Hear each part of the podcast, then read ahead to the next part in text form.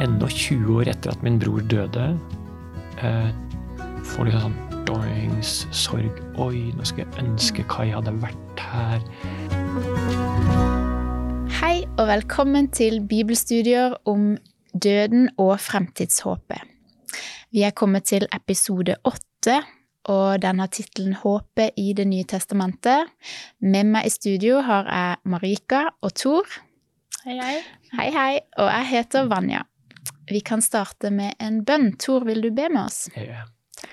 Himmelske Far, takk fordi at du gjennom Bibelen gir oss håpet, håpet for framtiden, og at det håpet er forankret i deg.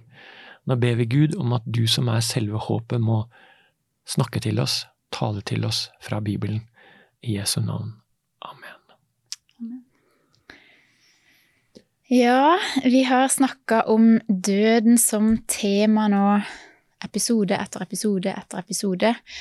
Eh, Men vi har snakka om det litt sånn som et tema der ute. Så jeg tenkte kanskje denne episoden er fin å dele litt personlige tanker og erfaringer. Um, jeg kan jo si for min del eh, at eh, jeg vokste opp på gård, og der lever man liksom tett på liv og død, men eh, jeg blir aldri vant til det. Det er liksom eh, alltid trist eller kjipt, eller det er alltid en sånn Ja, eh, et sånt aspekt ved det. At eh, Ja. eh, Det å miste kjæledyr, det å liksom Sånne ting. Det går veldig inn på meg. Mm. Mm. Eh, og selv om liksom jeg har opplevd mange tap, på en måte, Mm. så ja, så er det liksom Det er like tungt hver gang. Ja. Og ja, jeg kan jo dele en liten sånn historie. Jeg hadde en sau en gang. Og hver gang etter vi hadde bada om sommeren, så pleide vi å gå bort til noen kirsebærtrær og så spise litt kirsebær. Og idet vi dro ned disse greinene, så kom saueflokken løpende for de ville smake på bladene. Og så min sau, eh, den eh, gikk bak meg og hoppa opp med frambeina på ryggen min. Og det var kjempevondt. Så jeg kjefta veldig på den sauen. Og det var siste gang jeg så den sauen. Mm. Og det var sånn Det var skikkelig tungt, for det var en sånn ikke-ideell avskjed. Mm. Og gikk og leita etter denne sauen og liksom Ja, vi fant den aldri, så vi vet ikke om var det reven, har den falt i vannet, vi sjekka alle steder. rømte. Jeg tenkte at Ja, den ble slaktet eh, dagen Nei, etterpå. nei, nei, det var mer sånn naturlig død. Ja. Den ble så, den ble så furten Såret. av, Ja, vet, vet du hva? av I mitt barnehode så var det liksom Så var det bare å nei. Mm. Det er min skyld. ja. Så det var en sånn tapsopplevelse som satte skikkelig spor. Så du er blitt veldig forsiktig med å kjefte opp sauer oh, ja. siden? ja. Mm. Veldig forsiktig. Og Ja. det Ja, men det var en sånn Den sorgprosessen der var litt tyngre enn eh, mange andre sorgprosesser, fordi det hadde vært en sånn ikke bra avskjed. Mm. Folk som ikke um, har eid dyr, um, har vanskelig for å forstå hvor, hvor um, kjært et dyr kan bli. Mm. Sant? Eller en, altså en hund, eller ikke sant. Mm. Men, uh, men uh, å tape et menneske er jo i en helt annen kategori. Ja. Uh, og jeg tar meg i det at jeg uh, ennå 20 år etter at min bror døde, uh, får litt sånn doings, sorg Oi, nå skulle jeg ønske Kai hadde vært her. Um, Mm. Det, det er bare altså Akkurat som du sier, Vanja, at vi venner oss aldri til døden. Det, selv om døden er jo her som en, som en realitet i vår verden, og vi må forholde oss til det, og vi må prøve å, å, å håndtere det. Men, Mm. men vi vil aldri venne oss til det. Den vil alltid komme som en fiende, en inntrenger. Eh, grusomt. Mm. Så eh, Og, og når, når vi da tenker på sant, Jeg tror alle sammen har opplevd å miste et menneske som de er glad i. Mm. Tenk på de menneskene som dør i krig helt u... Sånn, altså helt unødvendig, egentlig. Noen vil kanskje si ja, det var veldig nødvendig også, men, men, men det er forferdelig Mm. for hver eneste familie som opplever krigens gru, eller at folk dør i pandemi, eller hva det nå er. Mm. Mm. Ja, for det er jo et aspekt eh, Dette her med sykdom. er òg en arena hvor man liksom kan bli stilt ansikt til ansikt med døden, eller se døden i øynene, eller Mm. oppleve menneskelig svakhet. Um, det at kroppen ikke virker, eller det at man, man lider, det at man kanskje får en alvorlig diagnose. Mm. Ja, den kampen for livet i, i det å kjempe mot sykdom Mm. er jo et sånt uh, sted hvor man kan begynne å tenke på disse tingene, begynne å tenke på liv og død og, Mm. og de store spørsmålene. Mm. Marika, du må jo forholde deg til døden profesjonelt som sykepleier. Ja, jeg har, eh, jeg har eh, vært til stede flere ganger når noen har sovnet inn, og eh, jeg har forholdt meg til døden eh, mange ganger. Eh, Men det er jo noe annet når, når noen, som, noen, man kjenner og noen man er glad i, som går bort. Det er, det ja, det er veldig annerledes å være sykepleier på jobb enn å være en pårørende. Mm. Og jeg har jo egentlig ikke opplevd det før nå, for bare noen måneder siden. At noen virkelig Altså helt nære, da, har gått bort. Og eh, farmoren min, hun døde veldig brått og eh, altfor ung. Og eh, jeg husker eh, da jeg fikk beskjeden jeg var på jobb, jeg hadde en hel arbeidsdag foran meg, og, og det var ikke ting som jeg bare kunne ikke gjøre, så jeg fikk beskjed om at noe alvorlig hadde skjedd, og jeg, jeg, ja, jeg tenkte meg det her kan ikke gå bra. Um, hun ble hentet med, med, med luft, eller altså helikopter, og det var veldig dramatisk. Og da jeg forsto mest sannsynlig at det her ikke kom til å gå bra, og jeg, jeg klarte å bare ikke tenke på det resten av dagen. Og så bare fortet jeg meg hjem. Jeg hadde bare fem minutter hjem fra jobb, men, eh, men jeg klarte ikke å la være å gråte da jeg kjørte hjem, for da ville jeg bare hjem og bestille flybilletter og fly til, til sykehuset hvor hun var.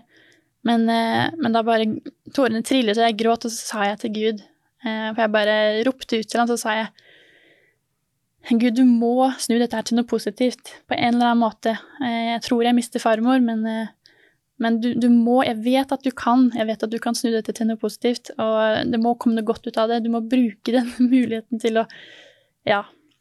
Du ser hva som trengs å gjøres. Og, mm. og selv om det var utrolig vanskelig, eh, så, eh, så er det noe med at, at den settingen og det med at at man mister noen, så kan det også koble mennesker nærme hverandre. Og, og begravelsen syns jeg ble en utrolig fin begravelse. Jeg er faktisk litt glad i begravelser på en sånn absurd måte. Men det er noe med det her håpet eh, som, eh, som, er så utrolig viktig, og som jeg syns kom så godt fram også i begravelsen. Det med at, eh, at nå sover farmor, og hun, hun venter. Hun er på, på, venterommet, sa pastoren som hadde begravelsen. Jeg syns det var så utrolig vakkert. Og eh, ja. Det er, eh, det er vanskelig. Veldig vanskelig. Og bibelvers og, og håpet i Bibelen, det hjelper på håpet, men sorgen er jo likevel der. Mm. Så det var en sånn, sånn her kontrast. Det derre håpet, ja, men sorgen, ikke sant. De passer liksom ikke helt sammen, men samtidig så passer de perfekt sammen likevel. Mm. Men ja. Men som du også sier, Tor, så kommer den her sorgen i plutselig tilbake mm. på noen uventede mm. øyeblikk. Men en kollega av meg, han, han, sa det at hver gang jeg tenker på tapet av min bror, så tar jeg det som et signal på den kjærligheten vi hadde til hverandre. Mm. Og det er å glede seg over det som var. Eh, og så, ja, så, får man, så får man tenke på det håpet som man eh, kanskje har, da, hvis man delte det håpet som Bibelen og Nytestamentet mm. snakker om. Mm. For det, det, har jo gitt millioner av mennesker styrke mm. i møte med det mest forferdelige. Mm. Det har det. Ja. Eh, et uh, bibelsted som uh, ofte kan bli lest opp i begravelser, det er fra første Tessalonikerbrev Eh, kapittel 4, versene 13 til og med 18. Dette er vers som jeg har hørt i, opplest i begravelser. Mm. Eh, og de, vi kan jo lese de, for de taler for seg selv. Ja. Jeg vil anbefale å lære det utenat. Jeg har lært det utenat på engelsk, men det, Mm. det er så gode, gode vers. Ja, og også sånn, vi må kanskje bare si sånn, eh, den sorgprosessen Mm. Ikke sant? Nå eh, har man forska på det og funnet ut veldig mye at det er liksom stadier man må gå gjennom i denne sorgprosessen. Mm. Um, og eh, Ja. Og sorg er ikke noe sånn som man jobber igjennom, og så er man ferdig. Det er jo noe som, kan, som ligger der, som Mm. blir en del av livet. Sånn, det er jo veldig flott med dette savnet som kan liksom minne oss på de vi har vært glad i, og Mm. hva de har betydd for oss, at vi gjerne skulle hatt de her, og sant, delt gleder og, Mm. og dager. Um, og så er det det her med å, å kunne ha Gud med på den veien, og det her at Bibelen gir oss informasjon som også kan være nyttig mens man går igjennom den sorgprosessen, eller går igjennom det man jobber Mm. igjennom. Så hvis Marika har lyst til å begynne å lese, Ja. Ifra vers 13 Vi vil at dere skal vite, søsken, hva som skjer med dem som er sovnet inn. Dere skal jo ikke sørge som de andre, de som er uten håp. For om Jesus døde og sto opp, og det tror vi, så skal Gud også ved Jesus føre dem som er sovnet inn sammen med ham. Dette sier vi dere med et ord fra Herren. Vi som fremdeles lever og blir igjen her, helt til Herren kommer, skal slett ikke komme før dem som er sovnet inn. For når befalingen lyder, når erkeengelen roper og Guds basun høres, da skal Herren selv stige ned fra himmelen, og de døde i Kristus skal stå opp først. Deretter skal vi som er igjen og ennå lever, bli rykket bort sammen med dem i skyene for å møte Herren i luften. Og så skal vi være sammen med Herren for alltid.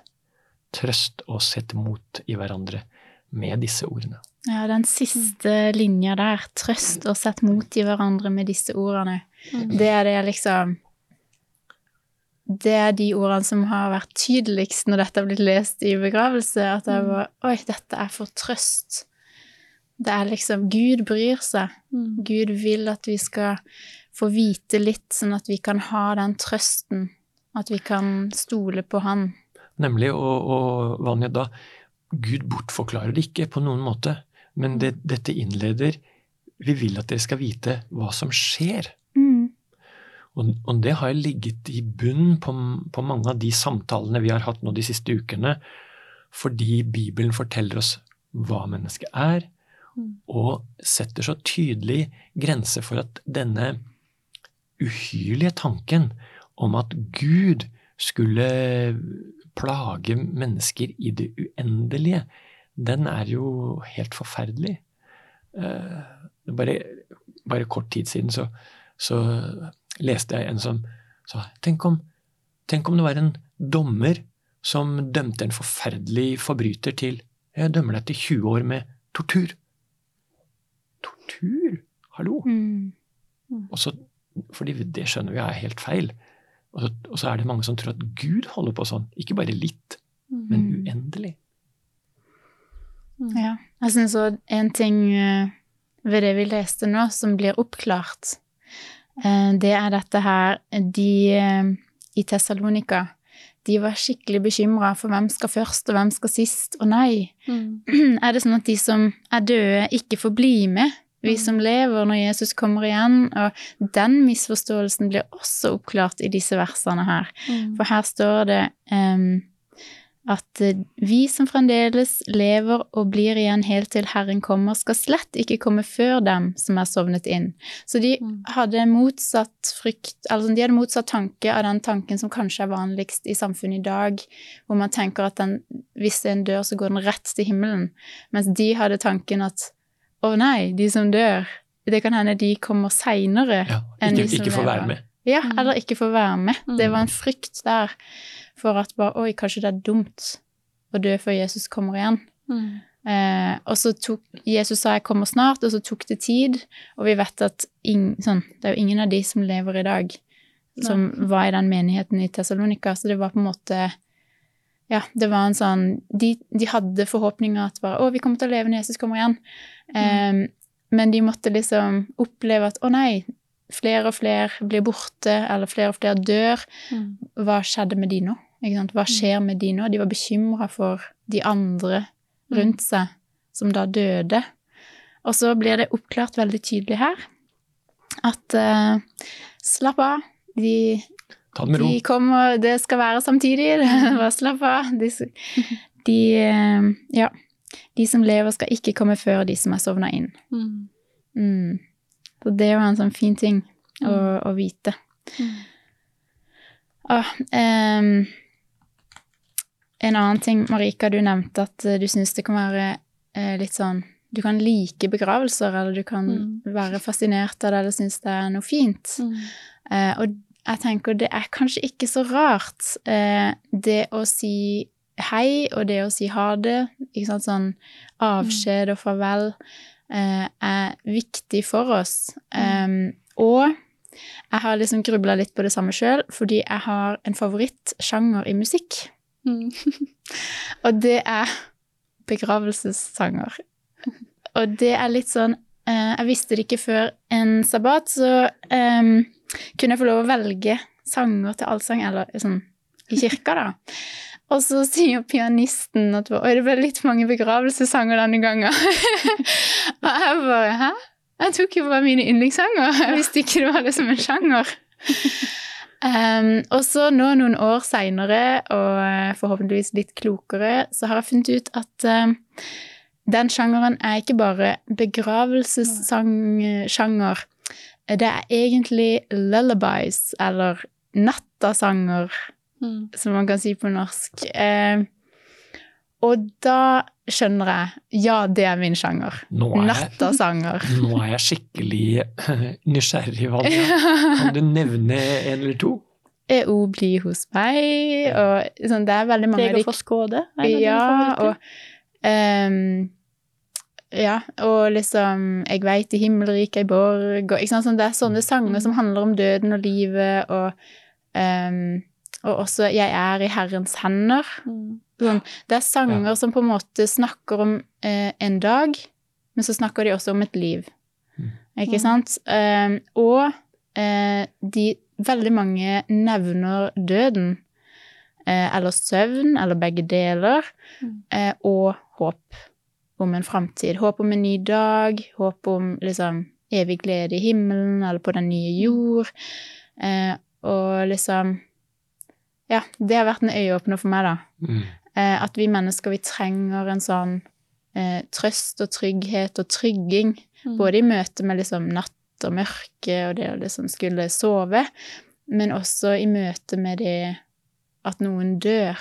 At man trenger den avskjeden, man trenger den trøsten, man trenger det håpet. Mm. Så er det også det her med Jeg syns det er veldig godt å være sammen med andre som, som kjente den personen, og man, altså man er sammen i sorgen.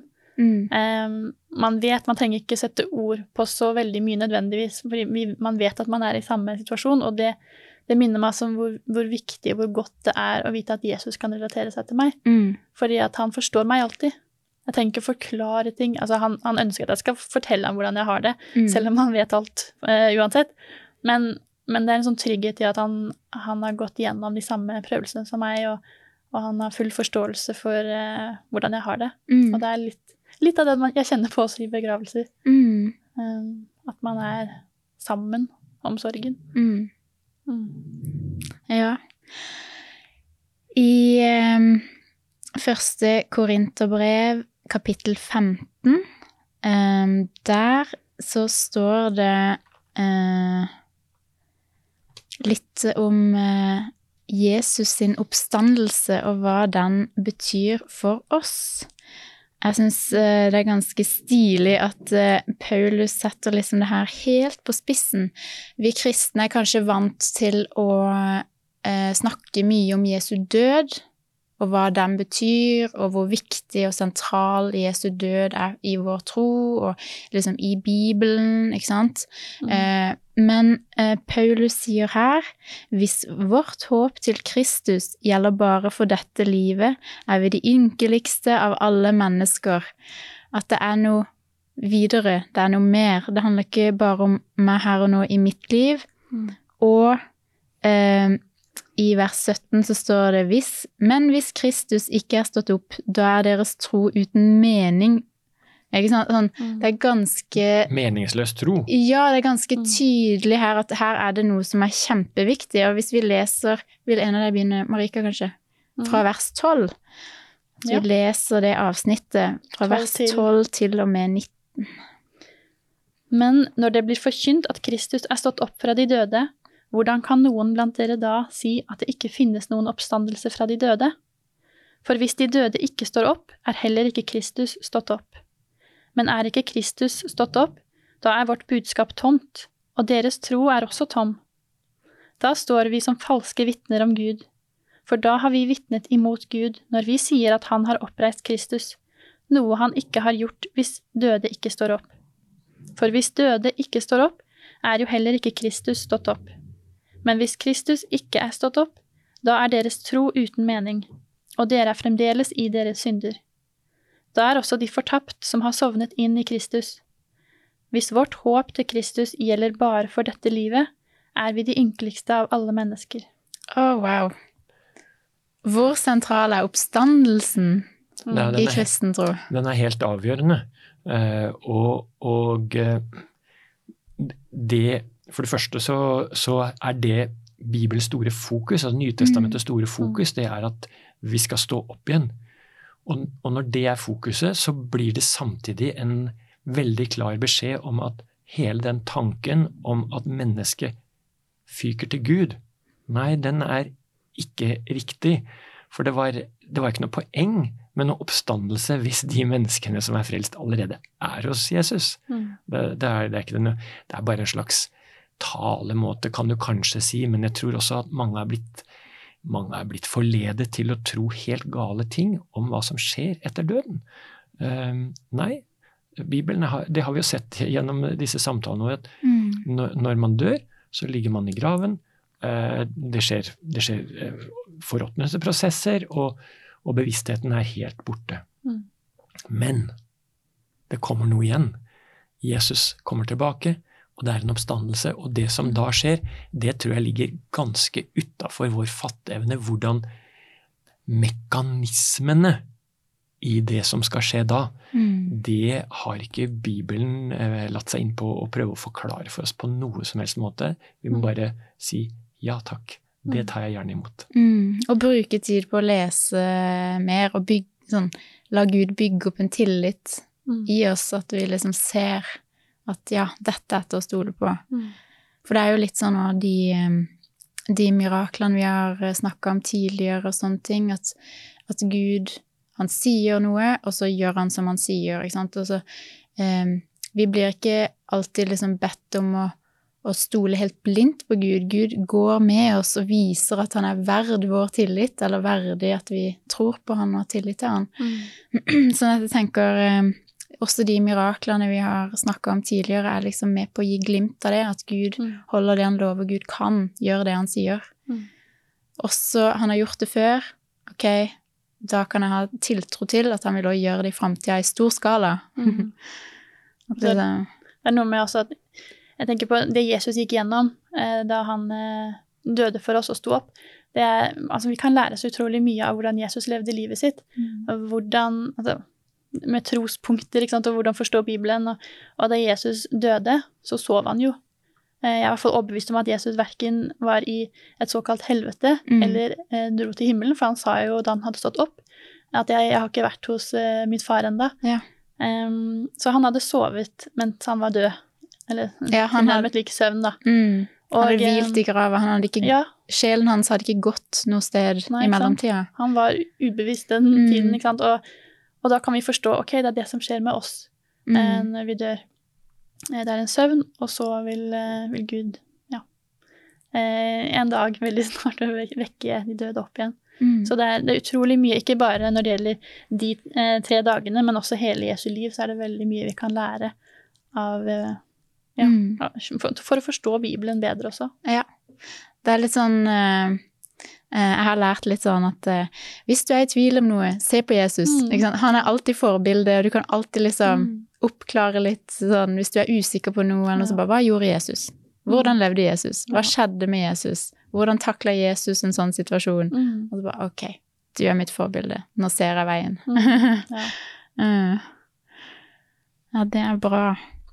Eh, Jeg tenkte jeg skulle bare lese eh, litt videre fra der vi leste i første Korinterbrev, fordi vi avslutta der med eh, vers 19, eh, og da var det at eh, hvis håpet vårt bare gjaldt dette livet og ikke evigheten eller det neste livet, eh, da ville vi vært de ynkeligste av alle mennesker. Så leser jeg vers 20.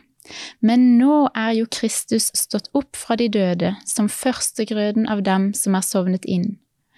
Fordi døden kom ved ett menneske, er også dødens oppstandelse kommet, kommet ved et menneske. For slik alle dør på grunn av Adam, skal alle få liv ved Kristus. Mm. Men hver i sin tur. Kristus er førstegrøden, deretter ved hans gjenkomst følger de som hører Kristus til. Og eh, i vers 26 så står det den siste fienden som blir tilintetgjort, er døden. Mm. At det, det, det kommer en oppstandelse, det kommer et oppgjør med det onde. Til og med døden, som vi må forholde oss til nå, er ikke noe vi må forholde oss til for alltid. Mm. Så jeg trenger ikke å bli vant til den, for den Mm. skal ikke være der evig. Ikke sant. Så sant, så sant. Ja. Og tenk også ved at døden vil bli borte ved at Satan dør.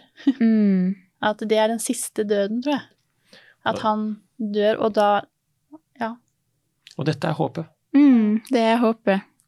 Kontrasten liv-død, og vi kan liksom satse alt på livet. Gud gir det i gave, og alt vi trenger å gjøre, er å ta imot. Mm.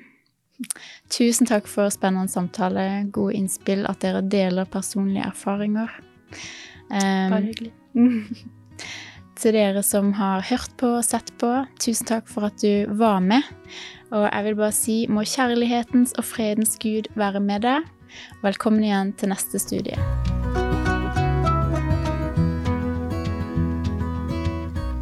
Du har nå hørt podkasten Bibelstudier fra Syvendedagsadventistkirken, produsert av Hope Channel Norge. Husk å følge podkasten, og inntil videre Guds velsignelse.